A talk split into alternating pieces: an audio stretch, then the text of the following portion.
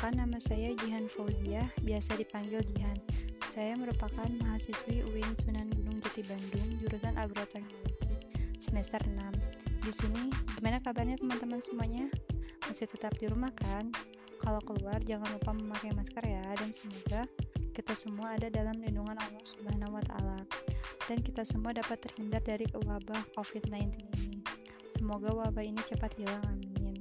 Di sini, saya akan membuat podcast tentang budidaya saya selama karantina ini, yang dibuat di halaman rumah saya yang berada di kota Tangerang Selatan, yang saya beri judul Budidaya Tanaman Kangkung Secara Organik.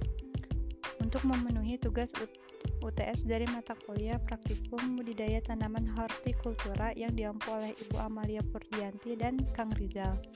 Selanjutnya saya akan uh, membahas tentang poin-poin yang akan dibahas pada podcast ini. Di sini terdapat beberapa poin yang akan saya bahas. Yang pertama yaitu saya akan menjelaskan tentang latar belakang dari tanaman kangkung ini dan alasannya mengapa saya memilih menanam tanaman kangkung ini secara organik. Yang kedua, poin kedua yaitu saya akan menjelaskan pengalaman saya tentang budidaya kangkung selama masa pandemi corona ini e, berupa dengan kesulitannya dan keuntungannya dari menanam kangkung ini. Kemudian saya akan mereview blog dari teman saya yaitu Jihanisa Yulia. Kemudian terakhir saya akan menyimpulkan hasil dari podcast ini. Yang pertama itu ada latar belakangnya. Latar belakang dari tanaman kangkung ini yaitu uh, kangkung merupakan salah satu tanaman hortikultura. Sayuran kangkung merupakan sayuran yang sangat digemari oleh masyarakat Indonesia. Selain rasanya yang sangat gurih, tanaman kangkung juga mudah didapat di pasar tradisional maupun pasar modern. Selain itu, tanaman kangkung juga sangat juga cocok ditanam di mana saja, baik itu ditanam baik itu ditanam dataran di daerah yang rendah maupun dataran tinggi. Alasan saya mengapa menanam kangkung secara organik ini agar lebih baik karena tidak memakai sama sekali bahan kimia dan tidak menyebabkan residu pada tanah. Selain itu, alasan saya juga karena kangkung ini merupakan tanaman yang cocok dan mudah ditanam di mana saja. Cocok untuk suhunya, cocok untuk dataran tinggi maupun rendahnya.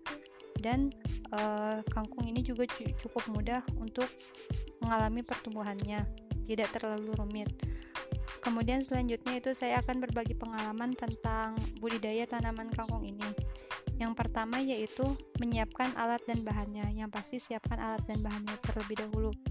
Alat dan bahan yang digunakan pada budidaya ini yaitu benih kangkung, polybag, tanah, pupuk, kokopit, eh, media media semainya, baki untuk media semai.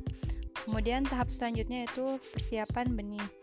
Benih kangkung ini direndam terlebih dahulu selama 24 jam pada air biasa itu bertujuan untuk agar benih lebih cepat untuk berkecambah. Selama 24 jam ini benih direndam di air e, sampai terlihat muncul kecambah. Setelah muncul kecambah, benih bisa dipindahkan pada media semai. Media semai yang digunakan ini yaitu tanah. E, saat minggu pertama, saya memindahkan Benih yang sudah direndam selama 24 jam itu ke dalam media semai yang sudah terisi oleh tanah. Setelah 20 setelah satu minggu, proses persemaian tersebut baru bisa dipindahkan ke media tanam. Media tanam di sini yaitu saya menggunakan polybag yang e, berisi yang berisi media tanam itu tanah, kokopit, pupuk kandang dengan perbandingan 2 banding 1 banding 1. Setelah satu minggu, bibit bibit yang sudah pada media persemaian dapat dipindahkan ke media tanam dengan cara membuat lubang tanam pada media pada media tanam, kemudian pindahkan bibit ke dalam ke dalam lubang tanam tersebut lalu tutup bibit dengan tanah yang ada di sekitarnya. Lalu setelah uh, bibit dipindahkan ke media tanam, kita tinggal melakukan pemeliharaan. Pemeliharaan di sini yaitu penyiraman, pemupukan, dan penyiangan. Penyiramannya dilakukan selama uh, penyiraman dilakukan setiap hari pada pagi dan siang hari.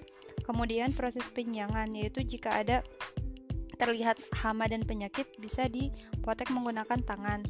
Selanjutnya yaitu setelah uh, tanaman kangkung ini tumbuh selama 30 hari. Setelah 30 hari, tanaman kangkung dapat dipanen. Proses panennya yaitu dengan mencabut seluruh bagian kangkung sampai ke akar-akarnya. Setelah itu cuci bersih.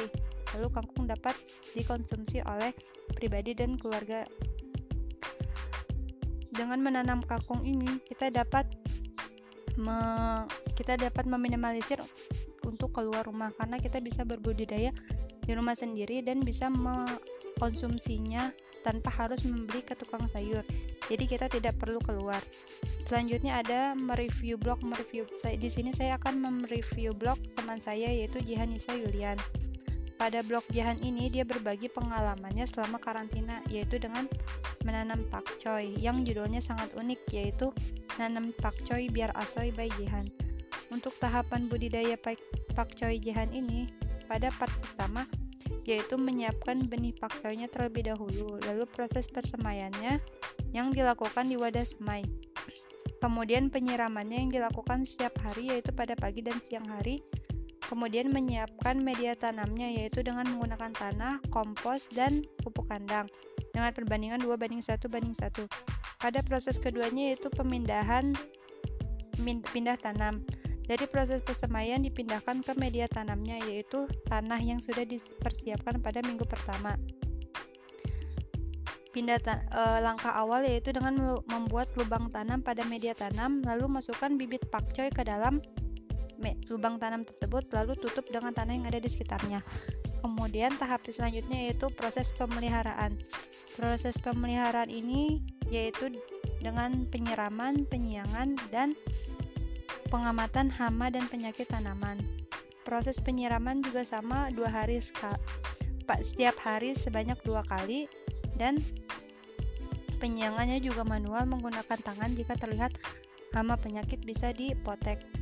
Kemudian di sini Jahan Jahanisa memakai pupuk memakai pupuk NPK padat.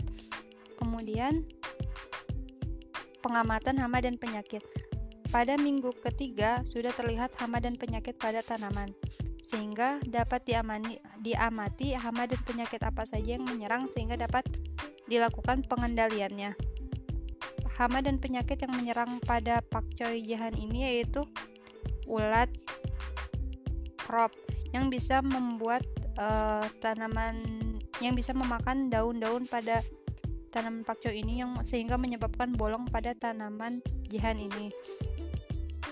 Yang terakhir ada kesimpulannya.